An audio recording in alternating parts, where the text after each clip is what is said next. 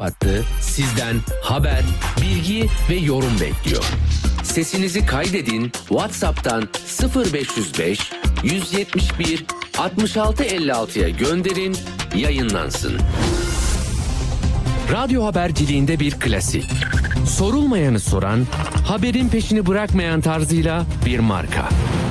Atilla Güner'le Akşam Postası gündeme damga vuran konu ve konuklarla hafta içi her akşam 17'de Radyo Sputnik'te.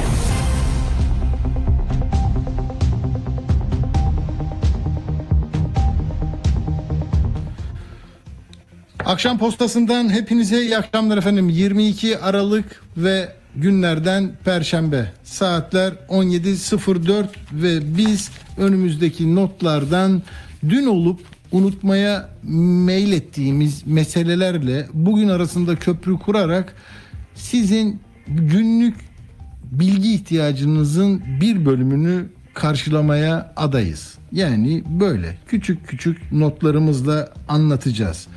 Bakın geçenlerde CNN Türk'te İçişleri Bakanı'nı seyrederken pazar gecesi geç saatte bitmişti.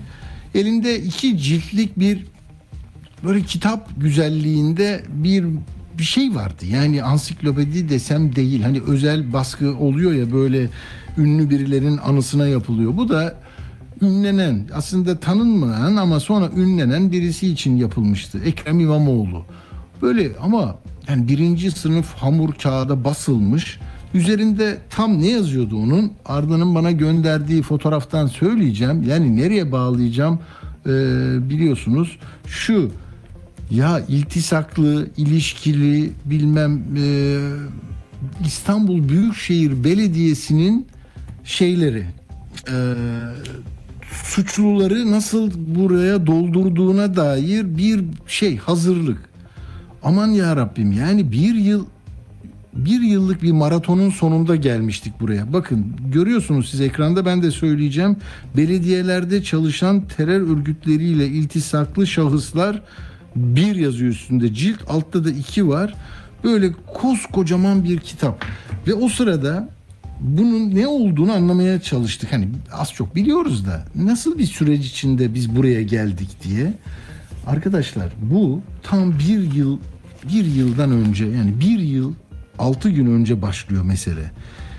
Seçimlerin tarihi zaten belli değil mi?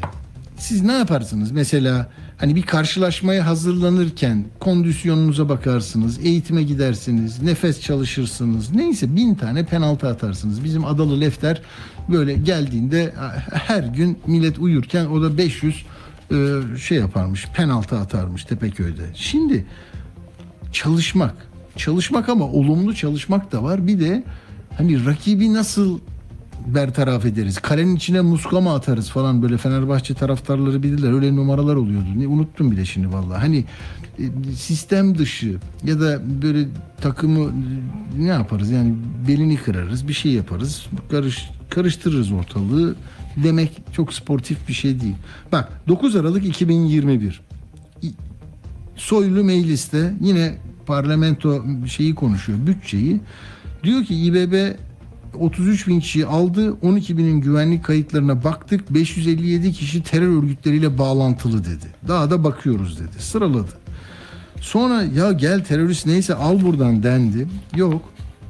Yürüyor bu mesele. Yazışmalar falan neyse özel teftiş başladı. Özel teftiş başladı. 23 23 müfettiş odalarda çalışıyor. Tamam mı? O sırada Numan Kurtulmuş da diyor ki İBB Başkanı endişe etmesin canım. Yapılacak bu teftiş. Bir kurumsal anlamda belediyenin ya da belediye başkanının şahsıyla ilgili bir soruşturma değil ki bu. Bunu görmek lazım. Bunu böyle görün diyor. Yani orada mesela buna da tepki gösterilmişti. Oysa amaç o değil. Yani siz zaten demokrasiyle ilgili sorunları büyüterek ortaya küçücük bir demokrasi minderi çıkartırken bile Türkiye'nin işte en demokratik ülkelerden biri olduğunu söyleyebilirsiniz. Enflasyonumuz yüzde 85 iken Türkiye'nin bütün ülkelerden pozitif ayrıştığını, Avrupa'da raflarda gıda yokken buranın e, pahalı gıdalarla dolu olduğunu da söyleyebilirsiniz. Sonunda gasilhanede çalışan birkaç kişiye dava açıldı vesaire ama bunun taşları örülüyordu tamam mı? Ve sonunda geldi bir e, ne diyorlar buna? E, tevdi, tevdi ettiler. Tevzi, tevzi mi diyor? Ne diyor işte? Ha bir dakika. Rapor hazırladık. Onu da büyük belediye diyor ki evet biz bunu ülkeye cum- memur geldi. Tevdi raporunu bize verdi. Tevdi gönderme.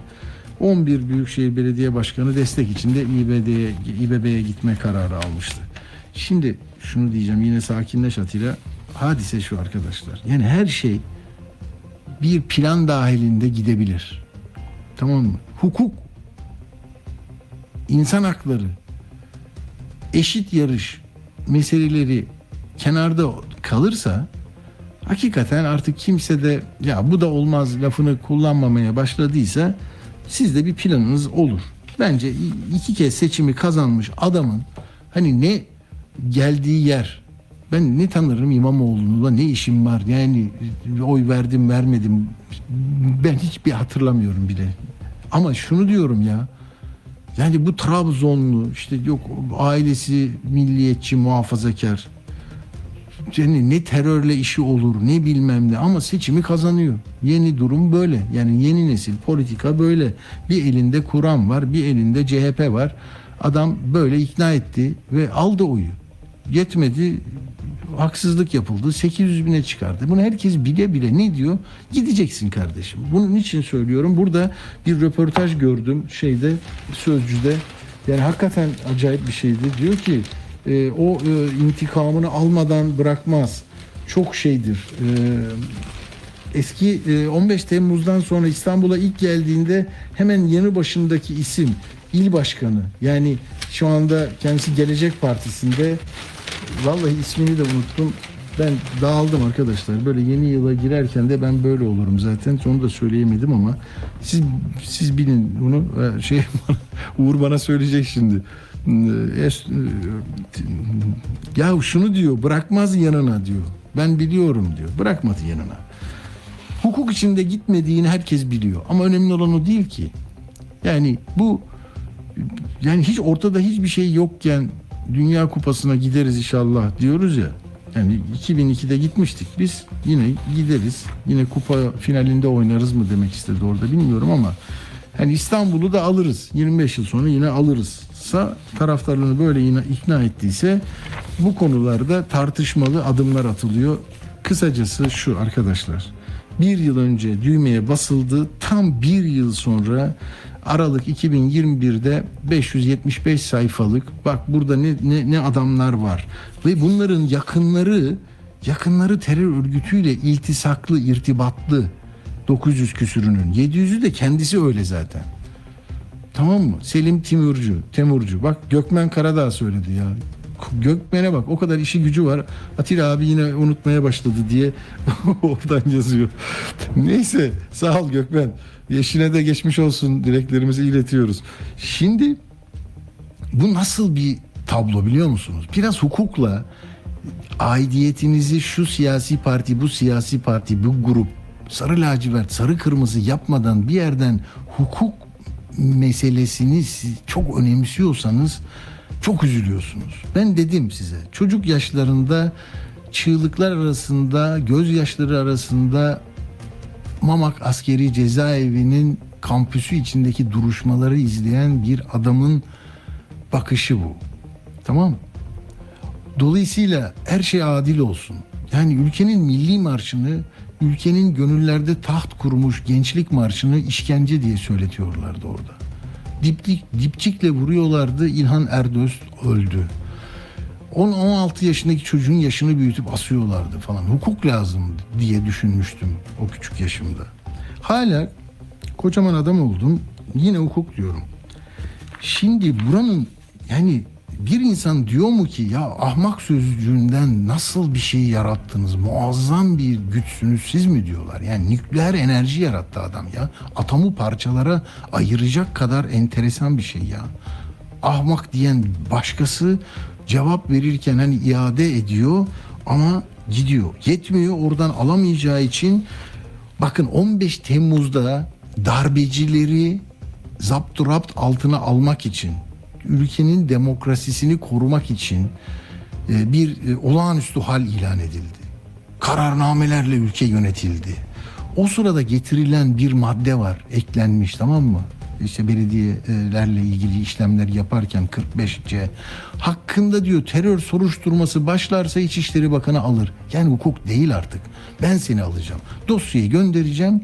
Üstünde kapağında terör yazıyor bir de senin adın yazıyor. İkisi bir araya gelirse ben de alırım. Şimdi onu yaptılar Ekrem İmamoğlu'na bunun bunun yankıları ne olur insanlar yani şunu da seyredecekler diye çok endişe ediyorum. Saraçhane'ye tebligat gelmiş. Mesela kameralar böyle gelmiş kameramanlar. Tebligat geliyor. Bunlar bak bunlar olmayacak şeyler değil. İstanbul Valiliği ya da İçişleri Bakanlığı'nın bir ekibi şeyden e, İstanbul Cumhuriyet Başsavcılığı'nın bir kapak yazısıyla birlikte görevinizden e, açığa alındınız yazısını getirdiğinde mesela Ekrem İmamoğlu girmiş 1280 gün sonra girdiği yerden onu çıkaracaklar. Sonra da içeride bir oylama olacak. Birisi belediye başkanı olacak. Muhtemelen işte şimdiki şey başkan vekili falan var ya grup başkan vekili AK Parti'nin ya da Üm- Ümraniye'deki şey diyorlar. Eski Kiptaş Başkanı İsmet Yıldırım diyorlar. Tevfik Günsu muydu ötekisi de işte Göksu. E, Bu mu yani? Mesela bunu da naklen izleyin tamam mı? Oturun izleyin kardeşim. Nasıl değişiyor? Bak demokratik e, yer değiştirme, seçimle, kararnameyle, darbe girişimi sırasında çıkarılan hukuki bir enstrümanla senin oyların 5 milyon oyun nasıl hallediliyor? Ha Güneydoğu'da olurken seyrediyordunuz ona bir şey diyeceğiniz yoktu değil mi? Şimdi de kendi o zaman Saraçhane'nizi seyredin. Sanki ben de bak oh olsun der gibi hani Süleyman Soylu'nun meclis konuşmasını yapıyor hissine kapıldım özür dilerim. Ama ne dedim ben? Mamak'tan beri 41 yıldır aynı yerdeyiz. Ne kötü. Ne kötü. Değişen saraylar var. Adliye sarayları değişti. Hastanelerinizde kötü kokular yok. Böyle şehir hastaneleri var uzakta ama gidersiniz yani. Parasını da ödersiniz. Bir şey olmaz. Küçücük Sultanahmet'teki derme çatma Cumhuriyet'in ilk yıllarından 50'lerden bile bilmiyorum. Böyle bir kocaman bir binaydı. Şık şık yapılmış. Ama içinde yine böyle mütevazı hakimler, savcılar. Dokunsan yanından geçiyor yani. Böyle tutabilirdin. Belediye otobüsünde karşılaşabilirdin. Ona öğretmişlerdi çünkü. Yani aynı semtten kasaptan alma. Aynı semtte bakkala gitme. Senin hakim savcı olduğunu görürlerse günün birinde sanık olarak gelirlerse olmaz. Şimdi zaten başka bir şey oldu. Buradan çıktı bence. Ve biz hep böyle canlı yayın seyretmek gibi bir şey. Yani Irak'a askeri müdahaleyi seyreder gibi hani ilk böyle olmuştu ya. Neyse ya böyle duygusallığın yeri yoktur bizim işlerde de. Olunca da oluyor deyin. Atilla'yı mazur görün tamam mı? Gelecek gelecek hani geliyor gelmekte olan dediğiniz sizin her neyse bu da öyle bir şey işte. Geliyor gelmekte olan. Dava, öbür dava da bakın kaç e, 15 e, Kasım 2019'da İmamoğlu ile ilgili YSK'dan yazıyı alıp getirmişler. Takipçisi yok. Yani şey mektup gelmiş. Tamam almış oradan kargo getirmiş buraya. Arkasında bana hakaret etti diyen birisi yok. Başkaları diyor. Bu diyor devletin kurullarına hakaret ediyor bilmem ne diyor. Ya devletin anayasa mahkemesi devletin de değil hepimizin. Bu anayasa mahkemesi özgürlükçü kararlar verdiğinde kapatın burayı diye bağıran İçişleri Bakanı o cil, iki ciltli kitap yaptırmış ya.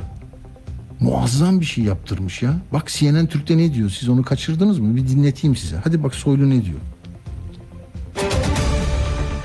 1668 kişinin terör bağlantısı FETÖ'den DHKPC'ye kadar PKK'ya kadar 505 kişinin bizatihi kendisinin var. Bütün raporları olduğu gibi e, isim, soyad burada var. Biraz önce e, gösterdim. Bunların hepsi savcılığa tevdi raporuyla bize şöyledir. Biz e, Mülkiyet Teftiş Kurulu bir araştırma yapar, soruşturma. İşte efendim hep CHP yapılıyor.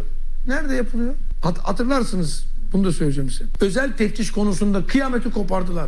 Özel teftiş nasıl yapılır? 72 tane AK Partili belediyeye özel teftiş yapmışız 2019'dan beri. 57 tane de CHP'li belediyeye. Evet şimdi burada bir şey demeyeceğim ama az önce buldum e, çok özür dileyerek e, hani Gökmen uyardı ya beni Ruhat Menki'nin röportajıymış E, işte Selim Temurcu orada diyor diyor ki e, Tayyip Bey'le siyaset yapanlar iyi bilir hiçbir şeyi şansa bırakmaz ve yenilgiyi de kabul etmez. Burada kendi kitlesine iki defa seçim kaybettirmiş bir kişiyi görevden aldığını göstermiş oluyor. Onda bir kin ve nefret varsa veya zihninde onu cezalandırmak gibi bir şey varsa onun da hesabını görmüş oluyor. Görüyor musunuz? Yani bu en yakın. 15 Temmuz'da İstanbul'a indiğinde on binlerce insan karşıladı ya. Orada hemen böyle sağ omuzunun arkasındaki isim beraber siyaset yaptığı. Şimdi Gelecek Partisi'nde. Tamam? Eski il başkanıydı. Peki, ben şimdi bu meseleyi bir noktalayayım. Burada e, daha çok şey konuşacağız ama konuşulanları dinlemekle e, yetinmeyin. Siz de sorun.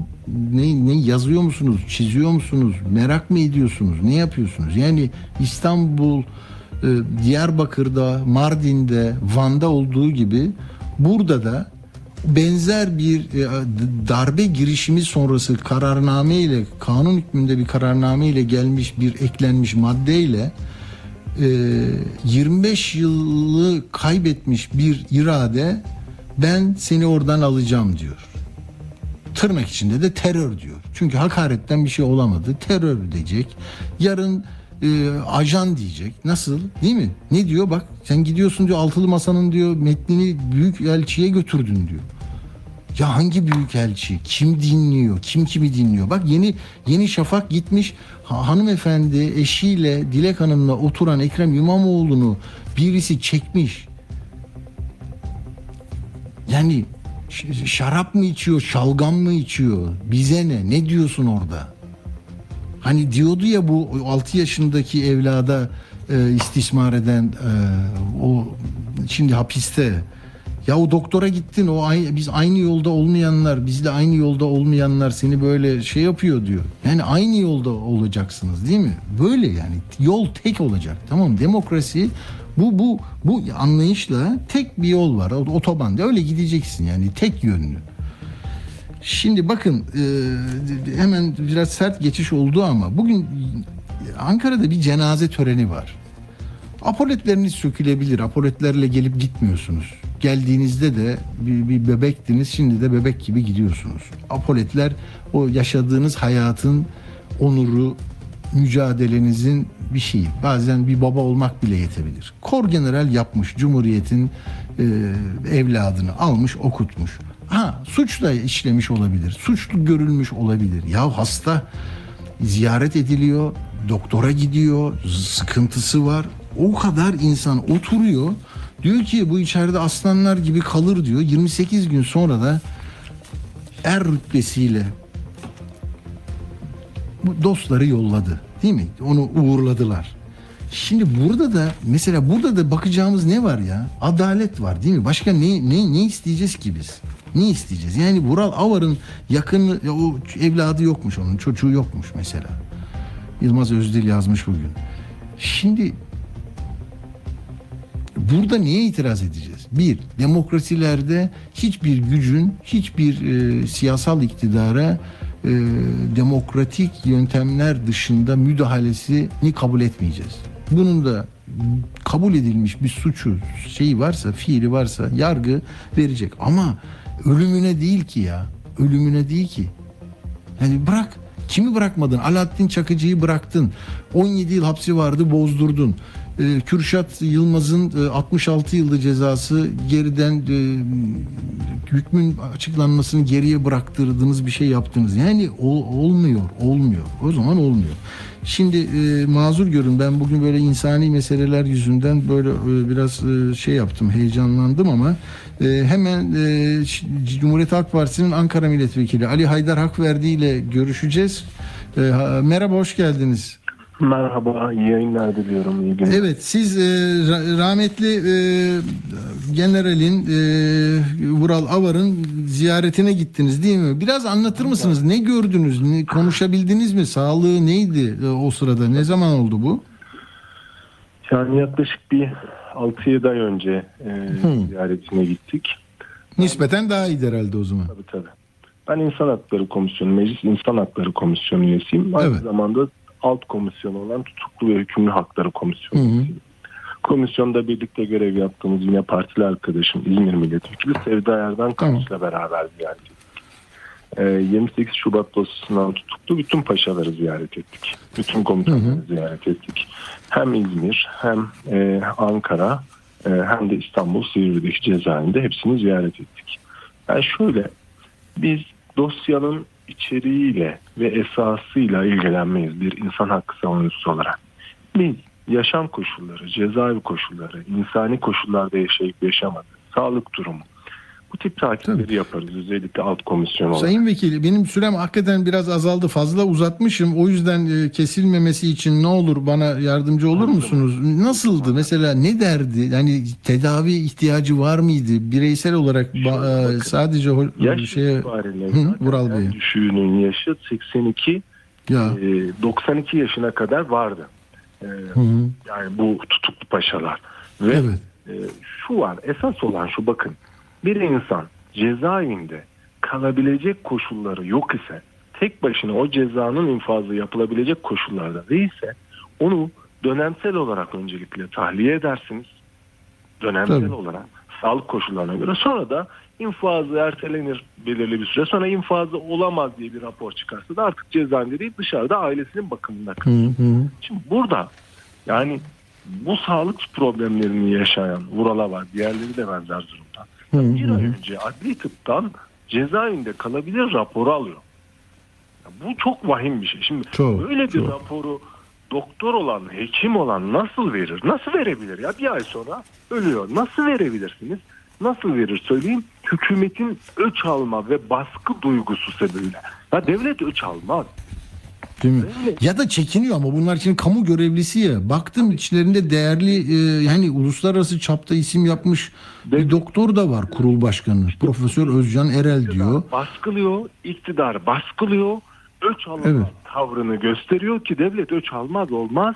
Bunlar da raporu veremiyor, cesur davranamıyor. Şunu söylüyorum korkak davranıyor. Hı hı. Suçun, niteliği- Korku iklimi deniyor zaten ondan oluyor. suçun niteliğine göre, nevine göre olmaz bu raporlar. Olmaz, olmamalı.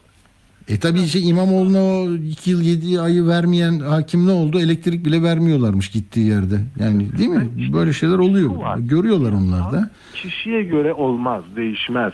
E, Peki ne diyordu? Yani rahmetli paşa size ne dedi? Bugün sözcüde şey diye gördüm ben. Meşrulaştırılmış kötülük yüzünden tutukluyuz. Aynen öyle. Çok acayip bir laf. ve eşiyle beraber e, bu ülkeye hizmet edebilmek ve tam zamanlı hizmet edebilmek adına beraber görev yaptık. Sahada beraber görev yaptık ve bilerek isteyerek tam zamanlı görev yapabilmek ve hizmet edebilmek için çocuk yapmadık dedi. Hmm, görüyor Ve musun?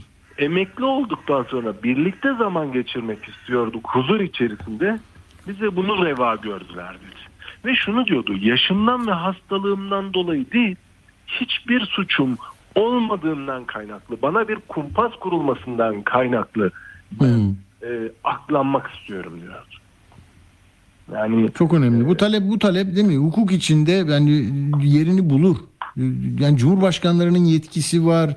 Kimlere kullanılmadığı e, dolayısıyla hakikaten e, çok acı bir durum. E, Şimdi doktorlarla ilgili suç duyurusunda bulunacakmış yakınları. Bugünkü cenazesinde de hüzün varmış gördüm. evet, cenazesine de katıldık bugün. Katıldınız mı siz de? Evet. Tabii katıldık. Grup Yani ben baktım şey var eski kuvvet komutanlarından Abidin Ünal, Aydoğan Babaoğlu gelmiş, Hurşit Tolon gelmiş emekli orgeneral da. komutanlardan vardı. Dönem arkadaşları vardı. Değil mi? Değil mi? Tabii, e, Ailesi. işte şu anki mevcut genelkurmaydan ve muazzaflardan devam edenlerden e, katılan yoktu. Yoktu. Orada yani kararla er statüsüne düştüğü için herhalde böyle teknik bir gerekçe e, oluyor.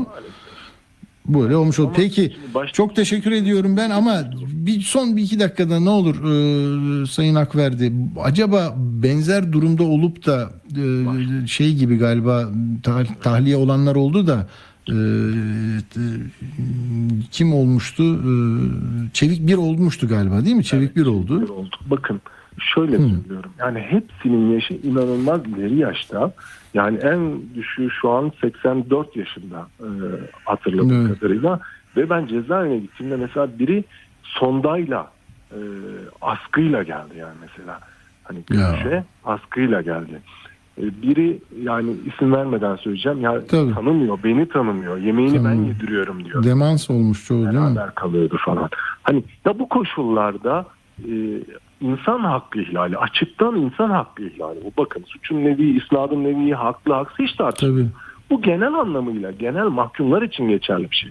Bu ömrünün son aşamasında ailesiyle geçirmesi hakkı. Hakkı ama Ben bir şey söyleyeceğim burada. İzin verir misiniz? Lütfen. Şimdi Alaaddin Çakıcı e, onca cezaevinde kaldı. Yurt dışında yakalandı, getirildi. Cezaevindeydi. E, değil mi? Cumhur İttifakı'nın e, partisi, MHP'nin lideri ne dedi? Vatana hizmet etti dedi. O gelsin. Vatana hizmet ettiği dediği arşivlerde var. Yani bir iki tane Asala'nın e, etkili olduğu düşünülen yerlerde anıtlara bilmem e, patlayıcı koymakla sınırlı. Yani bu yani bu kor generalin de herhalde vatana hizmeti e, yaptığı iddia edilen suçtan daha az değildir. Yani e, şimdi aklıma geldi de hani vatan millet Sakarya derken böyle acayip acayip işler oluyor. E, burada da e, en azından hakkındaki iddialar ve suçlamanın içeriğindeki demokrasi şeyi ilkelerine sadık kalarak onun yaşam hakkına da saygı duymak gerekir diye düşünüyorum. Kesin. Ee, Ali Aydar Akverdi, e, CHP Ankara Milletvekili. Çok teşekkür ediyorum katıldığınız için. kolaylıklar, iyi yayınlar Sağ diliyorum. olun, Teşekkür sağ olun. ederim. Sağ olun, ben teşekkür ederim. Şimdi yani e, hukuk hukuk hukuk değil mi? Bak nereye gitsen hukuk kardeşim. Semra e, Semra güzel değil mi? Şimdi ne oldu? Bir fotoğraf çıktı. E, evet. Ka- ka- dedi ki ben onunla e, şeyim e, sevgiliyim vesaire. Sonunda e, dokunulmazlığı kaldırıldı. Şeye gitti. Davası var. Yargılanıyor. Orada ne çıkacak? bilmiyoruz. Ama durur şeye meclis oturumlarına katılmadığı için milletvekilliği düşürüldü bugün. 372 oy e, kullanılmış, 330 kabul, 42 red. HDP Diyarbakır milletvekili. Tabii o yani dağdaki teröristle çekilen fotoğrafın yarattığı etkiyi anlamak lazım. O başka. O zaten hukuk içinde yapılıyor. Burada hani acele acele işler, çabuk işlerde de hukuk lazım. Bazen siz üzülebilirsiniz Ee, ama e, hukuk içinde olanca e, doğallığıyla yürümesi lazım. Yani şunu nereden biliyorsun diyeceksiniz. Televizyonlarda eski e, normal merkez siyaset yapan insanlar dediler ki böyle bir şey olmadı. Yani devamsızlıktan alındı diyemeyiz buna. E şimdi İmamoğlu'na da terörden alındı diyemeyiz. E bu e, yaşam hakkının ihlal edilmediğini diyemiyoruz. Başa ölüyor. Yani diyemiyoruz, diyemiyoruz. Türkiye'de enflasyon var diyemiyoruz. Tarım kooperatifleri var falan. Olur mu? Neyse şimdi e, biz e, asgari ücrete geldik böylece. Asgari ücrete geldik. Hani e, her şeyden rahatlarsanız e, sonunda bir lokma ekmek yiyeceksiniz. Onun da bir e, şeyi var. Türkiye'de göstergeleri var. İşte tarımsal tarım ürünleri üretici fiyat endeksi e, geçenlerde açıklandı. Yüzde 169 memlekette. Yani 169 daha pahalıya üretiyorlar. Size de gelene kadar akaryakıt taşıma, nakliye, depolama onların yatırımlarının e, gerektirdiği e, kar haddiyle size muazzam bir şey geliyor E, ve onun için asgari yaşamı sürdürmeniz için asgari bir yaş şeye ihtiyacınız var. Değil mi? E, paraya. O da işte 8506 lira olarak belirlendi. Hayırlı, uğurlu olsun. Tabii bu e, belirlenirken işçiler masada yok. Türk İş 9000 olsun demişti. Artık bunları da bu saate kadar hepsini biliyorsunuz. Tekrar etmek istemem. Ee, ama e, bu yani asgari ücret mesela 1 Ocak 2021'de ona baktık. 2825. Ya muhtemelen o zaman e, enflasyon yüzde 19 ve bu şöyle ya da böyle en az harcamayı yaparak açık vererek yaşamanıza imkan tanıyordu. Çünkü dolar 7.4 liraydı. Şimdi 10, 19 liraya geliyor. 384 dolar alıyordunuz yani. Şimdi de bugün dolar 18.67 asgari ücrette 8500 lira. Ha dolar cinsinden 455 dolara çıktınız. Ama bugünü mü tercih edersiniz o günü mü? Vatandaşlara sormuşuz. Ee, Arda'nın röportajı gelecek şimdi. Ee, bu içinde bulunduğumuz yıl iki kez belirlendi. Yani tam bir yıl önce bugün 2825 liraydı değil mi? Sonunda e, d- d- 4253 liraya çıktı. Ee, az önce tabii 2021'i söyledim ben. Yine bir şeyleri karıştırmış olabilir miyim? Ee, bunu yani bir- 2022 yılında ocağa girdiğimizde sizin e, 4500'dü değil mi? Şimdi 8000, 4200'dü. 4253'tü. Sonra do- dolar kuru 15.45'ti. 275 dolara düşmüştü. Sonra Temmuz'da dolar kuru 16.6, asgari ücrette 5500 liraya e, çıkmıştı. Dünyada da sizin yerinizi e, işte Şili'den daha yukarıya çıkmışız. E, ne olmuş?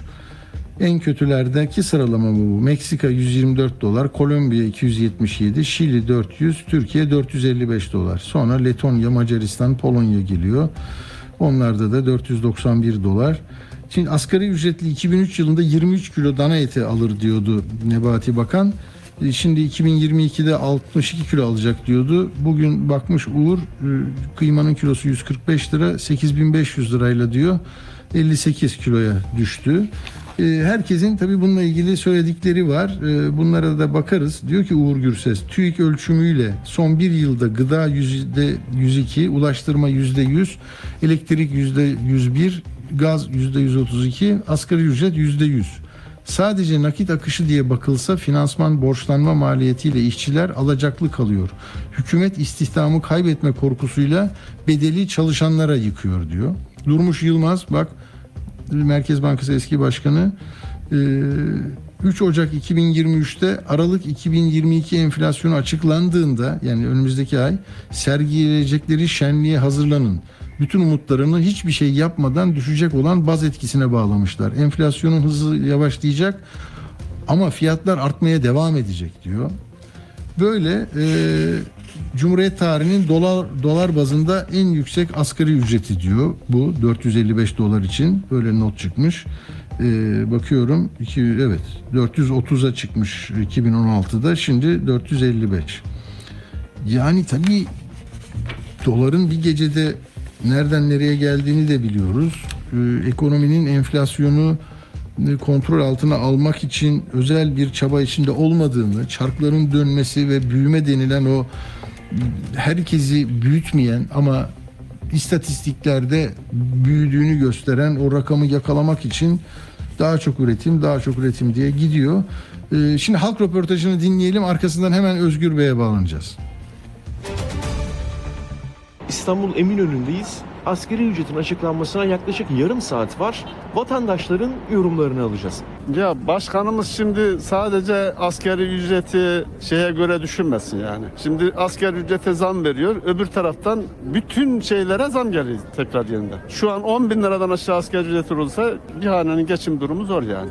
Sizin peki beklentiniz ne yönde? Ne kadar bir rakam açıklanır? Benim beklentim şu yönde açıklanabilecek şey 8000 8500 açıklar onlar en çok. Yeterli olacak mı? O da yeterli olmayacak tabii ki. Olmayacağından. Yoksa 10 da verse, 20 de verse zamlar böyle devam ettiği sürece tamam mı? İşsizlik devam ettiği sürece bu şey etmez. Ek iş yapmak gerekecek. Ben şimdi 62-63 yaşındayım. Ben de işveren olsam seni almam. Çünkü bana verimli olmazsın. Ama emekli maaşın askeri düzeyde olsa ya çeker gidersin memleketine ya da ufak tefek bir ev tutarsın. Başka şey olmaz yani. 9 vermez zannedersem 8 8 buçuk verebilir ancak. Yeter mi?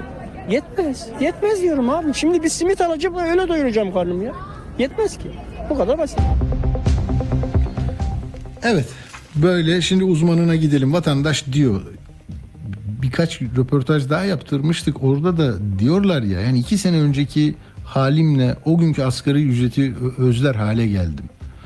Hani marketlere zabıta yollayarak önlenecek bir şey olsaydı bu zaten. Çünkü bütün belediyeler e, Türkiye'deki enflasyonu muazzam indirirlerdi. E, ekonomi yönetimi de böyle bir, bir şeyin derdinde değil. Hani çarklar dönsün diye bir, bir anlayış var. Peki şimdi e, uzmanımız e, değerli Özgür Erdursun'la konuşacağız. Sosyal güvenlik uzmanı. Merhaba Özgür Bey hoş geldiniz. Merhaba Atilla Bey çok teşekkür ediyorum. Evet. Şimdi e, işverene maliyeti hani Erdoğan diyor ki baktım konuşmasında yani ona diyor diyor yük bu kadar da vermeyelim diyor. İşverenlerimizin üzerine altından kalkamayacakları bir yükün bindirilerek istihdamın zarar görmesine rıza göstermeyiz diyor. Tabii ki emekçilerin haklarının yenmesine de diyor. Fakat burada yapacağımız çok iş var diyor. Hastane diyor, bir şey diyor. Vatandaş 86 milyona çıkacağız diyor. Yani e, az verelim ki diyor biz bu e, Türkiye 100 yılına rahat girelim der gibi. Hani biraz daha sizden fedakarlık bekliyorum. Ne oldu? Ne, ne çıktı bize? Atilla Bey biz şu anda asgari ücreti konuşuyoruz, asgari ücreti tartışıyoruz ama şu anda yapmış olduğumuz tartışmaların ne asgari ücretliye bir Tabii. yararı var, ne esnafa ne de ülkeye bir yararı var. Böyle Çok bir doğru. ücret politikası zaten olamaz. Şimdi Avrupa'da Amerika'yı yeniden keşfetmeye gerek yok. Avrupa'da asgari ücretli çalışanların oranı %3, %5'lerde. E bizim nüfusun yarısı, çalışanların yarısı asgari ücretle çalışıyor. Şimdi Ya. asgari ücretler için ben üzülüyorum. Çünkü asgari ücret ortalama bir ücret oldu. Normal Özgür Bey çok özür dilerim. Bakan Bey şey dedi. Duydunuz mu onu? Yüzde 37 dedi. O rakamı ilk defa ben duyuyorum bir yetkiliden. Asgari ücretin kapsadığı nüfusu yüzde 37 gibi söyledi ama niye dayanarak onu da bilmiyoruz. Bakan Bey şöyle mesela asgari ücret 5500 liraydı. O asgari ücretli e, 5600 lira alan Bakan Bey için asgari ücretli değil. Ha anladım. Ona göre %37. Tamam. Siz gerisini siz düşünün. Tabii. Şu anki bu Tamam. asgari ücret politikası aslında esnafı da zor durumda düşürecek bir politika. Çünkü Türkiye'de toplamda 2 milyon 160 bin 466 işletme var. Hı. Bu 2 milyon 160 bin 466 işletmenin 1 milyon 875 bin 213'ünde yani %87'sinde 1 ile 9 arasında işçi çalışıyor. Sadece bir işçi çalıştıran işletme sayısı 773 bin 311 tane işletme. 2 ile 3 arasında işçi çalıştıran 1 milyon 444 bin 910 işletme. Sadece binin üstünde işçi çalışan işletmeye bakarsak 695 tane işletmede e, pardon 2 ile 3 arası 607 bin işletme var. 607 bin 386 orada çalışan sayısını biraz önce söyledim. 4-6 arasında 352 bin 351 işletme var. Binin üzerinde işçi çalıştıran işletme sayısı 695. Türkiye'de 750 ile 9 Bunları niçin söylüyorsunuz? Burada ne var? Ana fikir ne burada? Ana fikir şu. Türkiye'de küçük ve orta ölçekli işletmeler çok fazla. Türkiye'de büyük işletme yok. Türkiye'de 1 ile 9 arasında Yok. işçi çalıştıran işletmelerde çalışan sayısı 5 milyon. Bu nedenle de bu yük sadece Beş- Hmm. sadece asgari ücretin maliyeti esnafa yıktığınızda Türkiye'de çalışanlara mobbing uygulanır. Ben işsizlik olacağını, işsizliği tetikleyeceğini düşünmüyorum ama bundan sonra yeni alımlar, küçük esnaf yeni alımlar yapmaz. İki kişinin iş, yapacağı işi e, bu sefer de Kayıt dışı çalıştırır değil mi? İki kişiye, iki kişiye yaptırır. E, işveren çalışanını böyle sürekli çalıştırmak ister. Ya ben bu kadar para veriyorum öyleyse küçük işletmeler özellikle. Hı hı. En ufak böyle bir Angarya yükler onu. Abi Angarya'yı da yükler. Sürekli böyle çalıştırmak ister. E, mobbing uygular. Hiçbir işini beğenmemeye getirir. İşte normalde iki kişinin yapacağı işi e, daha fazla e, yani dört kişinin dört kişiyle bir kişinin yapacağı işi yaptırmaya çalışır. Ya bu sefer de e, yani çok böyle saçma boyutlara doğru gidiyor bu iş şu anda asgari ücret. Neden bunu söylüyorum? Asgari ücret şöyledir. Mesleğe giriş ücretidir. Tecrübesiz, mesleğe girişte ilk işe girer, düşük biraz ücret alır. Birkaç ay sonra ya da birkaç yıl sonra o meslekte tecrübe kazanır, asgari ücretle çalışmaz.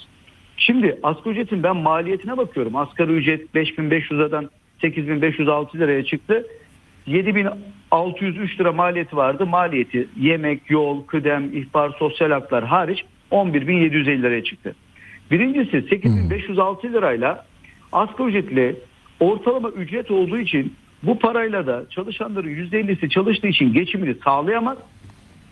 Bu kişiler bu kira artışları, maliyet artışlarından sonra insanlar bu parayla çok zor geçinirler, geçinemez. İşverenlerin, esnafın büyük bir kısmı da bu maliyeti karşılayamaz. Şimdi Tabii çift yani çift o söylediğiniz çok önemli. Biz hani hep en alttakiler ve ücretli çalışanlar diyoruz ama e, çok önemli bir şey söylüyorsunuz. Hakikaten o, o, o pencereden de bakmak lazım. Kendi yağıyla kavrulan o Anadolu esnafı değil mi? Büyük kentlerde de var. Küçük küçük atölyeler. Onlara da şimdi e, yani onlara bir avantaj ver, vermen lazım ki herkesi kayıt içinde göstersinler değil mi? Tabii 1 milyon 875 bin 213 işletme diyoruz ki 1 ile 9 arasında işçi Ya. çalıştırıyor. Bu asgari ücret politikasıyla beraber ne olur? Gençler iş bulamaz. Hmm. Ee, yeni okulu bitirmişler iş bulamaz. Meslekte tecrübesi yoksa iş bulması çok zorlanır. Yani artık gençlerde %25'leri varan bir işsizlik vardır. Bu %30'lara çıkabilir, üstüne de çıkabilir. Çünkü e, ben madem 8506 lira vereceğim o yüzden mesleğe yeni bilgisini alayım da şöyle bir şeyler öğreteyim. Hiç kimse bunun derdinde olmaz. Çünkü maliyeti 11.750 lira yemek, yol, tazminatla beraber 15 bin lira. Ben 15 bin liraya vereceğim bir kişiye. O kişiye de biraz iş öğreneceğim. O da bana yardımcı olacak. Hiç kimseyi böyle işe almazlar. Herkes tecrübeli birisini işe alıp ona 9 bin lira 10 bin lira verip tecrübeli çalıştırmaya bakar. Tecrübesiz gençler iş ilanlarında tecrübesiz tecrübesi olanlar diye iş ilanları vardır ya. O iş Evet. ilanlarında artık onun altı böyle e, belki renklendirilerek o ilanlar verilir. E o zaman ne anladık biz bundan? Yani esnaf kısmında işveren, küçük işveren onlarda bu etki yaratıyor.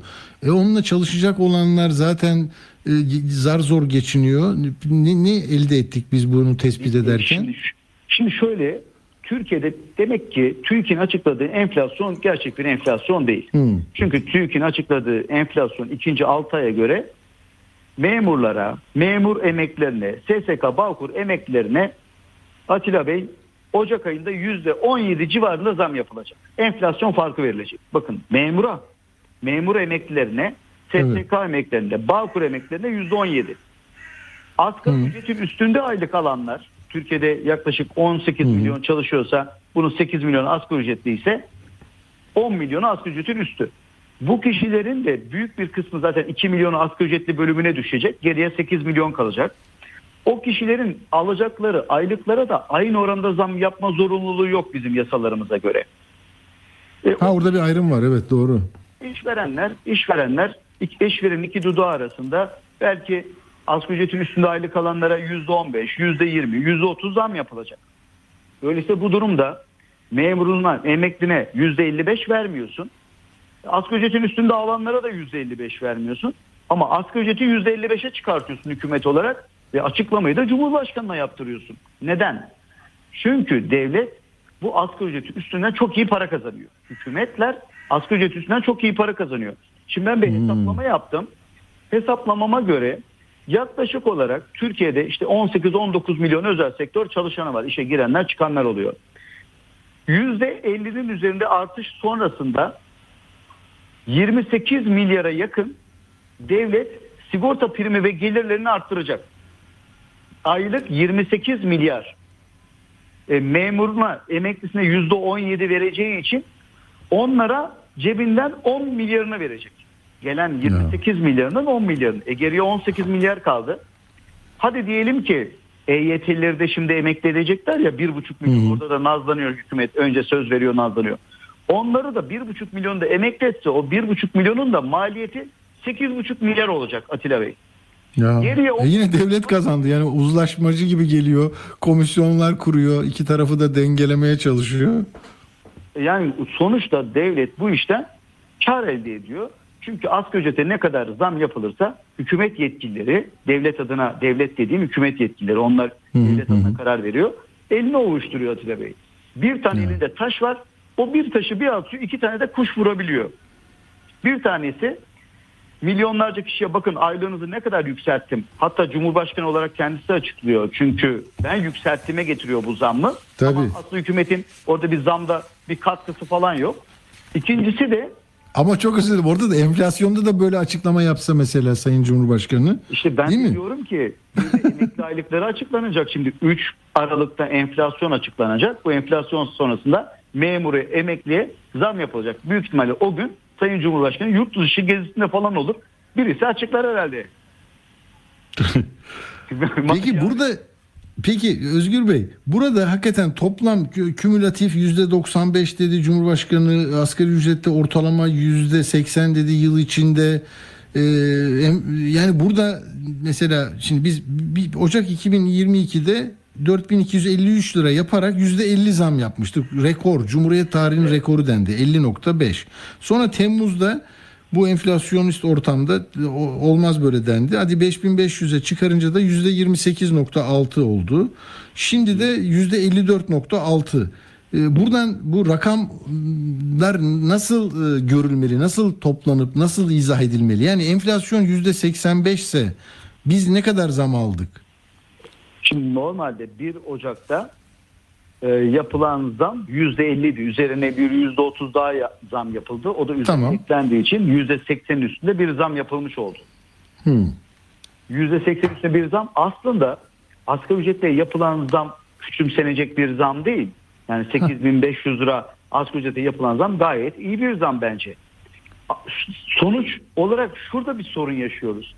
Asgari ücret gerçek niteliğini kaybetti. Asgari ücret mesleğe giriş ücretidir, tecrübe ücretidir. İşte Avrupa'da %3, %4 asgari ücretli çalışan oranı vardır.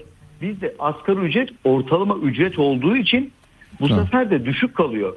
Hem düşük kalıyor bir de ortalama ücret olduğu için de işte yıllarca çalışanla ya da okumuş olan birisiyle ya da hiç okumamış ama mesleğinde kendisini geliştirmiş olan kişiyle mesleğe yeni giren birisini aynı tutuyor bu sefer. Sormayın. Çalışma hayatında da başka sorunlara bu neden oluyor. Verimsizliğe neden bakın Muharrem Bey çok özür dilerim. Muharrem Bey bizim di- sadık dinleyenimiz diyor ki işverenlerin çoğu asgari ücret üzerinde maaşı olan çalışanlarının ücretini asgari ücretten ödüğü gösteriyor. Emeklilikte bu büyük sorun diyor. Düşük başlıyor diyor. Harika. Çalışan da işini kaybetmemek için su- susuyor diyor. Oluyor değil mi böyle şeyler? Müt- Şimdi şu söylediği konuyu şuraya getireyim. Çok güzel bir konuya değindi çünkü kendisi. Şu anda Türkiye'de en düşük emekli aylığı 3500 liraya tamamlanıyor. En düşük Hmm. aylık 3500 liraya. Şimdi çalışan, asgari ücretle çalışanların, şu anda asgari ücretle çalışanların oranı Sayın Bakan diyor ki %37 ama asgari ücret ve asgari ücretlerle yakın rakamla, çok yakın rakamla çalışanların oranı %55'lerde. Bu asgari ücret politikası böyle devam ederse Atilla Bey 5 yıla kadar çalışanların %75'i asgari ücretli olur. Ya. Asgari ücretle çalışan bu %75'in de emekli olduğunda alacağı aylık da bugünkü rakamlarla 3500 lira olur. Yani çalışırken en düşük ücreti alan kişiler emekli olduğunda da en düşük emekli aylığını almak zorunda Ya, kalır. ya. Çalışırken yoksul, emekli olduğunda daha da yoksul. Daha da yoksun. Çalışırken bir iş yapması ayrıca yapması gerekiyor ki çoluk çocuğunun rızkını çıkarsın. Emekli olduktan sonra üç iş yapması gerekecek. Yani böyle bir çalışma hayatı e, bizi ileride bekleyen Değil mi? karanlık. Bir de işte gerçek rakamlardan gösterilmeme de Türkiye'de var tabii ki. Asgari ücretle çalışmıyor aslında. Asgari ücretle gösterilenler de var. Bu da ayrı bir Hmm. sorun. Bunun nedeni de işte küçük esnafa biraz önce ilk başlangıçta söyledim maliyetinin yüksek olması Tabii. bir kişi için yanında çalıştırdığı personeline bir tane küçük esnaf bakın 773.311 işletmede bir kişi çalışıyor. O bir kişinin çalıştığı kişinin maliyeti artınca bir kirası var. Mesela yanında bir de çalıştırdığı personeli var. İki, kiralar iş yerlerinde %50, %60, %70'lere kadar artış oldu enflasyondan dolayı. Çalışanın aylığı da %50 arttı, %55. Hı hı, Şimdi hı o kişinin ayakta durabilmesi için hizmet sunuyorsa hizmet, mal satıyorsa malına en az bu oranlarda artış yapması lazım. Ya da o çalıştırdığı kişi işten çıkarması lazım. Başka bir alternatifi yok. Büyük ihtimalle zam yapacak. Öyleyse bu zam sonrası asgari ücretli ilk aylığını ne zaman alacak? Şu anda biz Aralık ayındayız. Asgari ücreti konuşuyoruz. Şu anda bizi dinleyen asgari ücretliler de mutlu oluyorlardı. İyi ya ailem 8500 lira oldu diye. Bu para cebine Şubat ayının Ya. 20'sine kadar girecek. Yani bu para bu enflasyonu biraz daha hissedeceğiz. Rakamlara yansıyacak. O kişinin eline geçtiğinde değerinin bir bölümünü kaybetmiş olacak zaten. Görüyor musunuz? Yani koşan bir şeye yetişmeye çalışır hali var değil mi bu şeyin? E, asgari ücret ne demek? Yani o kadar artıyor fiyatlar ve her şey gün be gün daha kötüye giderken geriye doğru sizi düz- doğrultmaya çalışıyor. Yani koşmanıza yardımcı oluyor ama koşu daha birinci ayda tü- tü- tükeniyorsunuz. Peki bunun için ne yapılması gerekiyor? Bunun için yapılması gereken asgari ücreti arttırarak maliyetini arttırmamak. Hmm. Asgari ücreti arttıracağız ama maliyetini arttırmamalıyız. Bunu nasıl yapacağız? Bunu da normalde e, 4447 bir sayılı yasamız var. Bunun geçici 10. 19. maddesiyle beraber teşvik sunuluyordu işverenlere. Bu teşvikler de 31-12-2022 itibariyle bitti. Şimdi bu teşviklerle beraber bu maliyet daha da artacak. Çünkü teşvikten de yararlanmayacağını bilmiyor şu anda işverenler. Ayrıca o teşvikler de bitiyor. Bu teşviklerin bitmesiyle beraber ben diyorum ki şöyle bir şey yapılabilirdi.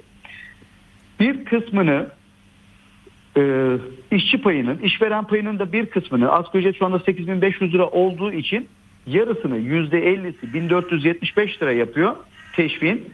Bir kısmını devlet işsizlik sigortası fonundan karşılıyordu. Teşvik bitti. Bu teşvik bence uzatılmalı. Ancak 1475 lirası işçinin maaşına ilave edilmeli. Ya, İşverenden ayrıca çok doğru. maliyetine yansıtılmamalı. Doğru. Bu durumda da asgari ücret artarken maliyeti artmazsa e, mali hizmetine, ürününe yansıtan kişiler kötü niyetli olurdu.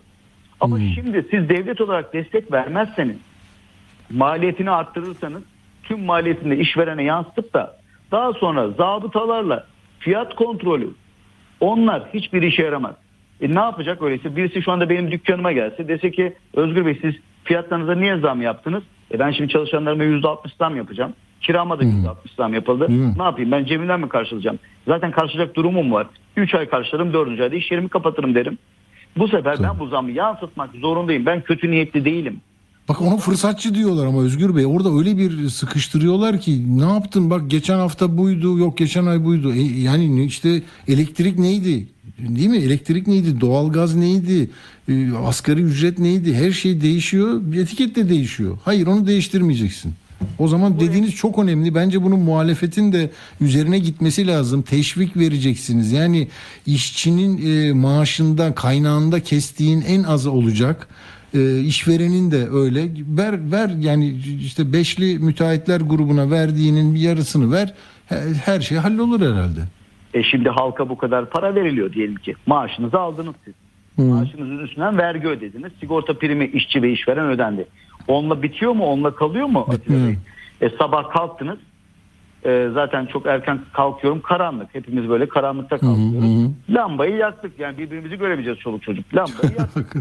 e, ondan sonra da zaten lambayı yaktık. Elektrik faturasının içinde anında vergiler, dolaylı vergiler başlıyor. E ondan sonra lavaboya gidip bir dişimi fırçalayayım, elimi yüzümü yıkayayım derseniz suyu açtınız. Orada vergi ödemeye başladınız. E kahvaltılık bir şeyler, tüpü açtınız. E, kahvaltılık bir şeyler, dolaylı vergiler devam Hakikaten. ediyor. Yola çıktınız, arabaya bindiniz ya da otobüste toplu taşımaya bindiniz. Oradan dolaylı vergiler veriyorsunuz. Hayatta adım atarken de dolaylı vergi veriyorsunuz. Yani bir taraftan Sosyal Güvenlik Kurumu'nun kasasına sigorta primi ve vergiler girerken bir taraftan da cebimize giren paralarla da dolaylı vergilerle hazineye para veriyoruz. E bu kadar para veriyorsak onların bir kısmı da bize geri dönsün bari. Çok doğru. Çok doğru. Özgür Bey e, çok e, aydınlatıcı oldu. Hakikaten çok teşekkür ediyorum katıldığınız için. E, Son sözünüz ediyorum. var mı Özgür Erdursun?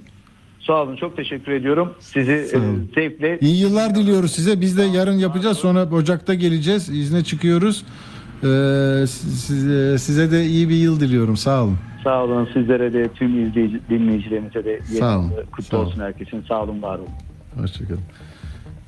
Evet tablo bu. Şimdi bir iki notumu söyleyeceğim sonra 18 olacak. Arkasından hem Uğur hem de biraz böyle çocuklarımız çocuklarımızın yetiştirilmesi artık torunlarımız da diyebilirsiniz. Biz bende yok ama beni dinleyenlerin biraz yaş ortalamasına dair bunu da söyleyeyim. Ee, birkaç notum var onu söyleyeyim sonra kalmasın burada. Aleviler e, büyük kurultaya gidiyorlar. Bakın bu e, pazar günü büyük Alevi kurultayı düzenleyecekler. E, şey Kültür ve Turizm Bakanlığı bünyesinde bu hani başkanlık kuruldu bilmem ne bunlara tepkiyi konuşacaklar. Bir onu söyleyeyim. İki bu da çok önemli. Ya Sedef Kabaş'a hani tak diye tutukladılar. Televizyonda bir şey söyledi. Vay Cumhurbaşkanı'na hakaretten. Halbuki hakaret hukuk mahkemelerinin bakacağı efsafta bir şeydi. Zorlamayla içeriye girdi. Namı yürüsün e, o kararları imza atanların. Sonunda meğer bir de 41. Asli Hukuk Mahkemesi'nde hukuk tazminatı, e, manevi tazminat istemiş Cumhurbaşkanı. Evet 35 bin lira ödemesine hükmetmiş mahkeme. Tamam mı? Ya e, iki yıl a- dört ay hapis cezasına çarptırılmıştı. içeride tutuldu, çıkarıldı. Demek ki aynısı şey için de geçerli olurdu. Hmm, İmamoğlu için de bir hakaret görüyorsa YSK hukuk mahkemesine gidebilirdi. Bak görüyor musunuz? Bir yandan da e, örnekler size ne olması gerektiğini söylüyor. Ama ne yapmak e, isteyenler var bilmiyorum. Mesela yarın bir duruşma daha var. İlk duruşması yarın. E, Fincancı Hoca, Şebnem Korur Fincancı. O da bir televizyon, o bak bunlar onlarla iltisaklı. Sen orada öyle mi dedin? Gel bakalım Tabipler Birliği Başkanı zaten seni sevmiyoruz. Oradan da e, onu e, içeriye attılar. Kaç gün geçti ya? Kaç gün geçti? Şimdi yarın duruşması var. E, onu da söyledim. Başka da e, bir şey söylemiyorum. Şimdi bir küçücük aradan sonra devam edeceğiz.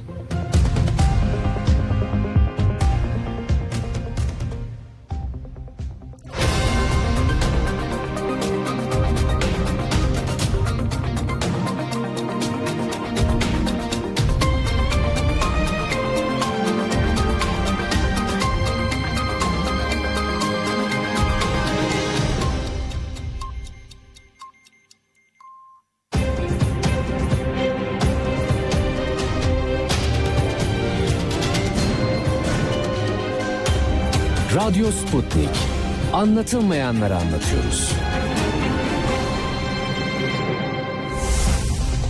Radyo haberciliğinde bir klasik. Sorulmayanı soran, haberin peşini bırakmayan tarzıyla bir marka. Atilla Güner'le Akşam Postası, gündeme damga vuran konu ve konuklarla hafta içi her akşam 17'de Radyo Sputnik'te. Evet devam ediyoruz. Bu arada İzmir'e selam olsun. Bekir Akıncı diyor ki Atilla abi ilaca gelen zammı e, iki kelam etsene diyor. hani hakikaten %36.7 bu e, avro değeri çok düşük tutuluyordu ilaçta ithalatçılar da getirmiyordu. Şimdi oradan aa ilacımız geldi diye seviniyorsunuz ama %37 Bekir'in de e, ilaç e, masrafı var, e, hastaları var. Allah şifa versin diyorum sevgili Bekir Akıncı'ya da. Peki şimdi biz e, ne yapalım? E, Uğur'la devam edelim. Daha sonra da diğer konuğumuza gideceğiz. Peki Uğur merhaba hoş geldin. Merhaba, hoş bulduk. Ne var ne yok sende Uğur? Şimdi bugün size yeniden İsrail anlatacağım. Çünkü e, daha önce dinleyenler biliyorlar. İsrail'deki e, süreçle Türkiye'deki süreç birbirine çok benziyor. Burada bir altılı masa var. Orada da sekizli masa vardı. Ve Netanyahu'nun e, 12 yıllık iktidarını devirdiler. Ve iktidarı ele geçirdiler. Ama bir yıl dayanabildiler sadece içlerindeki Hmm. kavgadan dolayı. Ve Netanyahu yeniden seçimleri kazandı. Güçlü bir şekilde kazandı hem de. Bugün de hükümetini kurdu. Ve kurduğu hükümet e, yani İsrail tarihinin en aşırı sağcı, en radikal hükümeti olarak nitelendiriliyor. E, yani muhalefet e, Netanyahu'yu devirdi ama iç kavgalarından dolayı İsrail'i çok daha e, derin bir e, endişeye sevk etmiş oldu böylece.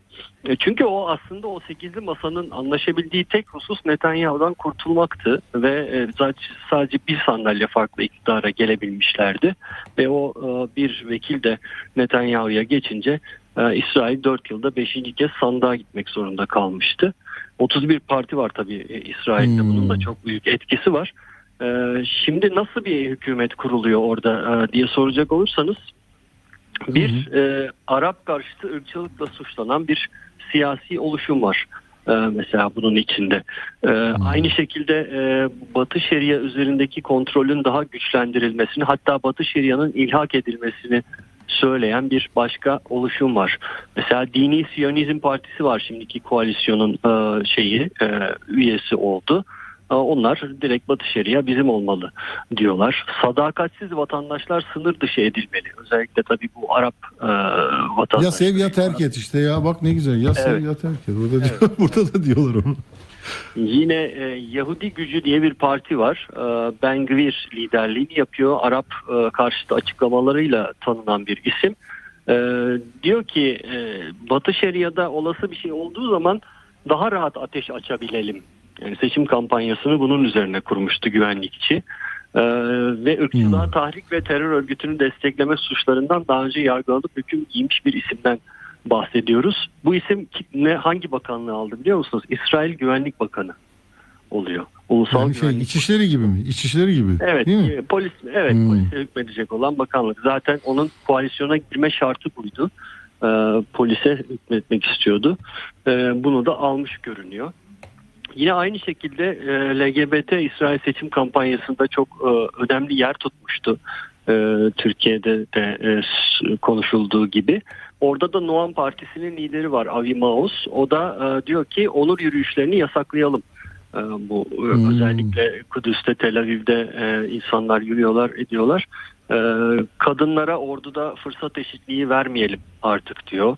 İsrail'e göç Yahudilerle sınırlandırılsın e, diyor. Ama tabii tüm bunlar hadi e, bir kenara bırakalım. Asıl bu e, koalisyonun, aşırı sağcı koalisyonun en önemli yapmak istediği şey hukukun üstünlüğünü bitirmek. Nasıl yapacaklar bunu? E, meclise İsrail Yüksek Mahkemesi kararlarını geçersiz kılma hakkı verecekler. Böyle bir Hmm. yasa tasarısı hazırlıkları var. Bunu neden yapmak istiyorlar? Netanyahu'nun başında bir sürü e, dava var. Rüşvet, dolandırıcılık, güveni kötüye kullanma, görevi kötüye kullanma gibi e, birçok şey var. Aynı zamanda koalisyon ortağı olan partilerin liderlerinin başında da bu tür davalar var. Tabii bu Hmm. davalarda belki hakimlerden istedikleri sonucu e, alamayacaklar ve yüksek mahkemede de cezaları onaylanacak diye e, endişe ediyorlar. Bu da siyasi hayatlarını bitirme noktasına getirebilecek bir durum. E, e, öyle olunca e, o zaman biz bu anayasa hani Bahçeli Anayasa Mahkemesi kapatılsın demişti. Benzer bir şey. Burada da yüksek mahkeme karar verir ama meclis bu kararları bozabilir. E, geçer. Az önce soracaktım da çok böyle şey ma- manipülasyon yapmayayım dedim. Orada da hani İçişleri Bakanlığı'nı aldı dedin ya dedim o bakan da şey diyebilir bir gün. Anayasa Mahkemesi neymiş kapatırım orayı falan Ha, ama çıktı yani. bak. Evet. Tarife her yerde aynı be Uğur ha. Çok benzediği için zaten bu kadar İsrail'i anlatıyorum. E, Yolcu Netanyahu- eskiden öyle şeyler yapardı ya.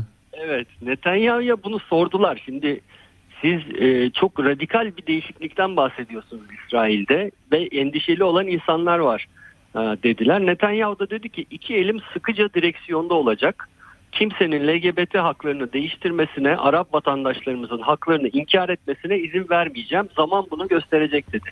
Yani o e, o aşırı sağcı e, radikal partileri dizginleyebileceğini düşünüyor. Hmm. Ama İsrail'in zaten defalarca seçime gitmesinin sebebi de e, o küçük partilerin e, koalisyona katılırken çok radikal talepleri olması tamam gel yaparız diye siyasetçilerin onları koalisyona alması sonradan bu partilerin bizim istediğimiz hiçbir şey olmuyor diyerek e, koalisyondan çekilmesi hükümetin düşmesi e, dir sebep budur Hmm, genelde hmm. İsrail'de defalarca seçim olmasının sebebi. Şimdi Netanyahu biraz ortadan konuşup e, belki de Hmm. onları dizginlemeye çalışacak ama e, bakalım ne olacak. İsrail'de durum bu. Anladım. Onun dışında sakiniz diyorsun. Başka da bir yaramazlık yok. Bugün için evet. Peki. Peki Uğur Koçbaş sağ olasın. İyi akşamlar. Teşekkür ederim. Akşamlar teşekkürler. Evet, şimdi e, ne yapalım? E, bir uzmana kulak vereceğiz biterken bugün. Onu da Uğur e, Doktor Bahar Eriş'le e, buluşturacak bizi. Çocuklarınızın zeka ve özgüvenini nasıl yukarı taşıyabilirsiniz? E, aşağı yukarı hepimizin e, yani kendi çocukluğumuzdan bir dersler çıkarıyoruz. Sonra kendimiz ebeveyn oluyoruz. Sonra büyüyoruz, torunlar oluyor, akrabaların çocukları oluyor ve eğitimin çok kıymetli bir şey olduğunu biliyoruz. Onu anlayalım istedik. Bahar Hanım merhaba, hoş geldiniz. Merhaba, hoş bulduk. İyi akşamlar. Teşekkürler. Peki bu araçlarında dinleyenler oldukça fazla bizi. Onlar şimdi bir yandan dikkatlerini dağıtmadan e, nasıl e, bir mesaj vermek istersiniz? Nasıl bir çerçevede? Yani çocuk e, değil mi? Çocuğun kendi özgüveni meselesi ne demek? Anne babaya ne düşer? Yakınlarına ne düşün, düşer? Evet, konumuz özgüven diye o zaman anlıyorum. Yani oradan siz Sizin konuya yok yani sizin için hangisi önemliyse. Anladım. Ben bir şöyle bir giriş yapayım o zaman. Benim e, doktoram üstün zeka ve yetenek gelişimi alanında. E, dolayısıyla hani e, yetenek Tamam. gelişimi ile ilgili, zeka gelişimiyle ilgili konuşabilirim. Tabii ki bu özgüvenden de bağımsız bir konu değil. E, Tabii. çünkü yetenek tek başına bir şey ifade etmez. Zeka da tek başına ifade etmez. Çok zeki olup özgüvensiz bir insansanız o zekanızı kullanma kapasiteniz de sekteye uğrar. Dolayısıyla e, iş çok boyutlu. İşin özgüven boyutu da önemsiz değil. Şimdi e, bu konuyla ilgili şöyle söyleyeyim hani yetenekten e, bahsediyorsak eğer hepimizin doğuştan getirdiğimiz dünyaya bazı doğal eğilimler var. Belli kapasiteler var. Çocukların da öyle. Her çocuğun içerisinde bir potansiyel var ve bu her çocuğun içinde ayrı bir alanda bir potansiyel olabilir. Yani kimi daha akademik eğilimlidir, kimi daha e, fiziksel alanlara, spora eğilimlidir. Başka bir çocuk resme eğilimlidir, başka bir çocuk müziğe gibi. Dolayısıyla doğuştan getirilen bir takım kapasiteler veya yapısal avantajlar var. Ama bu tek başına yeterli mi? Bu şekilde bir kapasiteyle gelmek hayır. Ee, yıllarca şimdi o gördüğümüz çok yetenekli insanlar var ya daha geçenlerde Messi'yi izledik. Evet. yani bu yıllarca bilinçli pratik dediğimiz bir çalışmayla birleşirse yeteneğe dönüşür. Yani Messi evet belki bir takım fiziksel avantajlarla doğmuş olabilir ona futbola yatkın hale getiren. Ama Messi'nin o buzdağının görünmeyen kısmında ortaya koyduğu inanılmaz bir çalışma var. Ee, dolayısıyla e, Bu her zaman böyle çıkar mı Bahar Hanım? Yani e, çok başarılı insanların çok fazla emek harcadığı sonucuna ulaşabilir miyiz? Az önce ben başka bir konuda Lefter'i örnek verdim. Lefter de efsane. Hani e, Büyükada'dan da çok iyi tanıdığım bir isim E, anlatırdı. Hani millet işte tatile yok şuraya buraya giderken ben e, işte günde 300 penaltı atardım. Nasıl topa vuracağımı bilirdim. Ağırlıklar bağlardım. O zamanki Ya. koşulları düşünün. Ee, dedi yani böyle lefter oldu, olunacağını anlamıştık biz. Ee, çok e, Evet. önemli. Sonra bir e, akademisyen de demişti ki günde onu bir röportajdan hiç unutmuyorum. Yani günde 8-10 saatini kendi alanına kendi ilgi dünyasına e, iyi olmak istediği alana vakfetmeyen e, bu işi en iyisini yapamaz. Yani o, Çok o da güzel. muazzam bir çalışma demek. Bunlar demek ki temel doğrular. Şöyle yani şunu söyleyelim. Verimli ve disiplinli bir çaba olmadan o sahip olduğunuz doğal avantajları sürdüremezsiniz. Futboldan açtıysak siz Leicester dediniz ben Messi dedim. Tabii. Diğer uçta Sergen Yalçın'a bakabiliriz değil mi? Tabii. Doğal olarak çok büyük bir avantajı vardı ama bunu verimli ve disiplinli bir çabayla birleştirmediği için bir noktadan sonra futbol yete- e, başarısı en azından düşüşe geçmiş olan birisi. Dolayısıyla bu bilinçli pratik dediğimiz çok önemli. Şimdi günde 8 ila 10 saat dediniz. Bu çok yüksek bir oran. çok Böyle bir teori var yani 10 bin saat kuralı diye bir kural vardır. Evet. Bu da yaklaşık olarak 10 yıl boyunca her gün 3 ila 4 saat hangi alanda yeteneğin varsa o alanda odaklı bir çalışma yapmak demektir. Ve o çalışma nasıl yapılmalıdır? Bir kere sana rehberlik edecek başka senden daha uzman birinin desteği önemli. Bu bir koç olabilir, bir öğretmen, bir antrenör olabilir. Bir uzmandan o e, desteği almak işin çok önemli bir parçası. Onun dışında hata yapmak ve hatalarına anında geri bildirim alabilmek çok önemli. Yani nerede hata yaptığını görmek ve o hatayı orada düzeltebilmek çok önemli. dediğimiz gibi düzenli her gün sistematik çalışmak çok önemli. Bir diğer önemli mesele kendini samimi bir biçimde eleştirmek. Yani Hmm. kendini böyle Kaf Dağı'nın tepesinde gördüğün zaman düşüşe Bitiyor. geçmeye başlayabilirsin. Evet kendine karşı samimi olmak lazım. Kendi hatalarını görmek, eleştiriye açık olmak Çok doğru. e, ve o eleştiri Ben oldum değil mi? Ben oldum dediğinizde zaten iş bitiyor. Ben oldum diyorsanız Tabii. hayat da donuyor, bilgileriniz donuyor, her şey bitiyor. Kesinlikle öyle. Gelişim odaklı zihniyet ve sabit odaklı zihniyet diye bir ayrım vardır bu konuda. Ee, gelişim odaklı insanlar asla ben oldum demezler. Her zaman için kendimi başka nasıl geliştirebilirim, Hmm. nereden ne öğrenebilirim peşinde koşarlar. Daha açık zihniyetlidirler. Ama sabit zihniyetli dediğimiz başka bir tip vardır ki o aynen sizin dediğiniz gibi ben zaten yetenekliyim, ben zaten oldum, benim daha fazla bir şey öğrenmeme gerek yok dediğiniz anda zaten çürüme başlar, gerileme başlar. Dolayısıyla Doğru. bu çok önemli. Peki yetişme çağında bu bu bilgileri yetişme çağındaki bir çocuğumuza nasıl e, bir şeyle sistemle e, içselleştirmesine katkı sunabiliriz acaba? Yoksa yap bunu 3 saat çalışacaksın bırak o laptopu falan tabletini Evet, aldın. laptopu. Böyle Evet. olmuyor. E, öyle zaten. Bakın şimdi bu denklemin önemli parçalarından bir tanesi de içsel motivasyon dediğimiz kavramdır. Hmm. İçsel motivasyon ve dışsal motivasyon diyerek bir ayrım yapılır. İçsel motivasyon kimsenin dışarıdan itiklemesi olmadan çocuğun zaten kendi içinden gelerek o çabayı ortaya koymak isteğidir. Ama siz onun içsel motivasyonu olmayan bir alanda onu itek, iteklerseniz o zaman o yine sürdürülebilir değildir. Yani önemli olan o çocuğun potansiyeli hangi alandaysa onu tespit edip ki bu sizin istediğiniz bir alan olmayabilir. Bizim ülkemizde bence en büyük sorunlardan bir tanesi bu. Çocuk diyelim ki işte spora eğilimi var. O alanda ilerlemek istiyor ama ailesi doktor olsun, mühendis olsun, başka bir şey olsun. O alanda çocuk ilerlesin istiyor. O yüzden de e, o kısmı çok fazla desteklemiyor veyahut da işte öbür tarafa doğru itekliyor. Ama o itekleme bir yere kadar e, sonuç verir. Hayatın ortasına gelene kadar bile bazen insan anlamaz onu istemediğini. Sonra 40 yaşına gelir geriye dönüp bir bakar ki hep annesinin babasının toplumun istediği... Hocam ses yolda- arada gidip geliyor. Bulun, bu- bulunduğunuz yerden mi acaba ses? Bazen Ya, bozuluyor e, ama. olabilir. Yani benim Bu- evim bulunduğunuz yer değişmedi değil mi hocam? Başladı. Hayır aynı yerdeyiz. Ha, tamam yakın tutarsanız çünkü ses bazen Tabii, öyle mi? Tamam. Tamam sorun yok. Yakın Aa, tutarsanız evet ya. anlayalım. Son bir bölümü mesela bir 20 saniyeyi kaçırdım ben. Aa, yani şunu söylüyordum.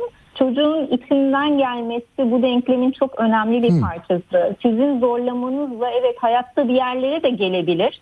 Siz doktor iste, olsun istediğiniz e, diye doktor da olabilir. Mühendis olsun istediğiniz diye mühendis de olabilir. Ama mutsuz ve vasat bir mühendis olur. Ee, öbür türlü eğer kendi içinden geçen ge- gelen bir alanda ilerlerse bir kere hayatta daha fazla tatmin duygusu yaşayacaktır. Daha fazla işini tut, e, severek yaptığı için işinde de daha başarılı olacaktır. O yüzden o e, yetenekli olarak gördüğünüz insanlarda içsel motivasyon işin çok çok önemli Çok. bir parçası. Tabii burada ekonomik ekosistem de gerçekten çok önemli. Yani e, hani maddiyat e, kısmı da işin önemli. Şimdi ben böyle konuşuyorum ama mesela çok şöyle bir Tabii. örnek vereyim. Afrika'dan genel olarak tenisçi çıkması daha zor. Senin tenise yeteneğin var ama tenis çok pahalı bir spor. Yani birçok alanda eğitim, koçlar, özel giysiler, ekipman gerektirir. Afrika'ya kadar Tabii. gitmeye bile gerek yok. Yani bizim ülkemizde de. E, o yüzden e, Afrika'dan mesela genelde koşucu çıkar. Çünkü koşunun yatırımı daha az. Yani dolayısıyla maddiyat Doğru. da önemli bir parçası için bir şeylere de maddi olarak erişememek o konuda e, potansiyelin e, yok anlamına da gelmiyor. Yani birazcık doğru zamanda doğru yerde olmak. İşte 20 çocuklu bir aileye mi doğdun? Tek çocuğu musun ailenin? Ailenin oğlan çocuğu musun? Kız çocuğu musun? İşte ailenin senin potansiyelini görecek mecali var mı yoksa onlar da bir hayat gailesi içerisinde sürüklenip gidiyorlar mı? Veya yeteneğinin değer gördüğü bir toplumda mısın? E yoksa kimsenin umurunda değil mi? Yani bütün bunlar e, işin çok çok Hmm. önemli bir parçası. Ama ben şuna da inanıyorum. Yani büyük yetenekler bir şekilde akıp yolunu buluyor. Çünkü orada işin bir de tebat ve vazgeçmeme kısmı çok çok önemli. Yani e, ne olursa olsun belli ortamlardan o insanlar bir şekilde e, çıkabiliyor. Ve anne babalara ben şöyle bir şey söylüyorum e, söyleyebilirim. Bilmiyorum vaktiniz var mı? Ben çok e, Var var. Zaman- Bu arada ben bir, kadar- bir, bir, bir parantez açmak istiyorum. Sizin bir röportajınızda çok e, hoşuma gitti. Yani önemsedim. E, onu da dinleyicilerle paylaşmanızı rica edeceğim. Hani anne babalarla arkadaş o, o- o- olabilir mi? Anne baba çocukla arkadaş mı olsun yoksa sınırlar mı koysun? Sınır ne demek? Yani o hudutları ben o negatif bir şey gibi görürdüm ama o aslında çok önemli bir şey söylüyorsunuz. Onu da belki dinleyenlere e, iletmek lazım. Ya sınırlar kesinlikle çok önemli. Bir kere çocuğun kendini güvende hissedebilmesi için sınırlar önemlidir. Ee, çocuk sürekli olarak anne babasını zaten test eder. Ee, bakalım Hmm. nerede durabilirim diye. Ve sınır koyulmamış insanlar hem kendi hayatlarında daha sonra mutsuz olurlar hem de içinde bulundukları topluma da zarardırlar. Yani şimdi siz düşünebiliyor musunuz? Biz bir toplum halinde yaşıyoruz. Sınırını, Evet. haddini, hududunu bilmeyen insanlarla birlikte yaşadığımız bir ortam ne kadar iyi bir ortam olabilir ki? Yani Ya Bahar Hanım ona birkaç örnek verir misiniz? Mesela sınır derken e, yani toplumsal Ya bir örnek hayatta mi? Top, Hı. yani şimdi daha yeni şeyi yaşamadık mı? Ee, yine Mescid'den açıldı. Ne oldu? Gitti bir e, e, ünlü e, et lokantası sahibi. Evet. Oraya bir sınır konulmuş değil mi? Yani bir Sınırlara. Çok güzel oldu örnek. Evet yani işte örnek size sahaya inmek yasak denmiş.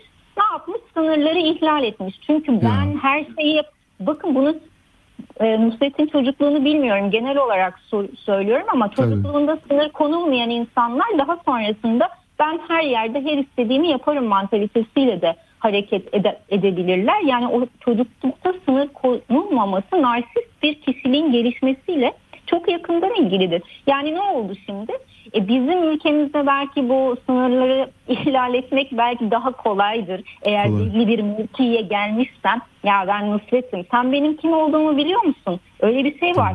Ama başka yerlerde başka toplumlarda öyle değil. Şimdi kendisine başka bir maça girme konusunda yasak getirildi mesela. Yani Tabii. sınırlar toplumların düzen içerisinde olmasına imkan tanırlar. Ya şöyle düşünün en basitinden evimizin duvarları bizi korumaz mı dış dünyadan?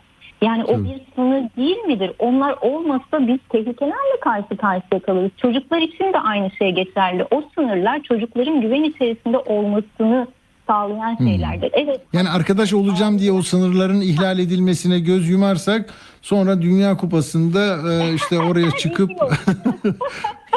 yaramazlık yapan çocuklarımız olabilir. Belki hoşunuza da gider ama bu çok kabul gören bir şey değil.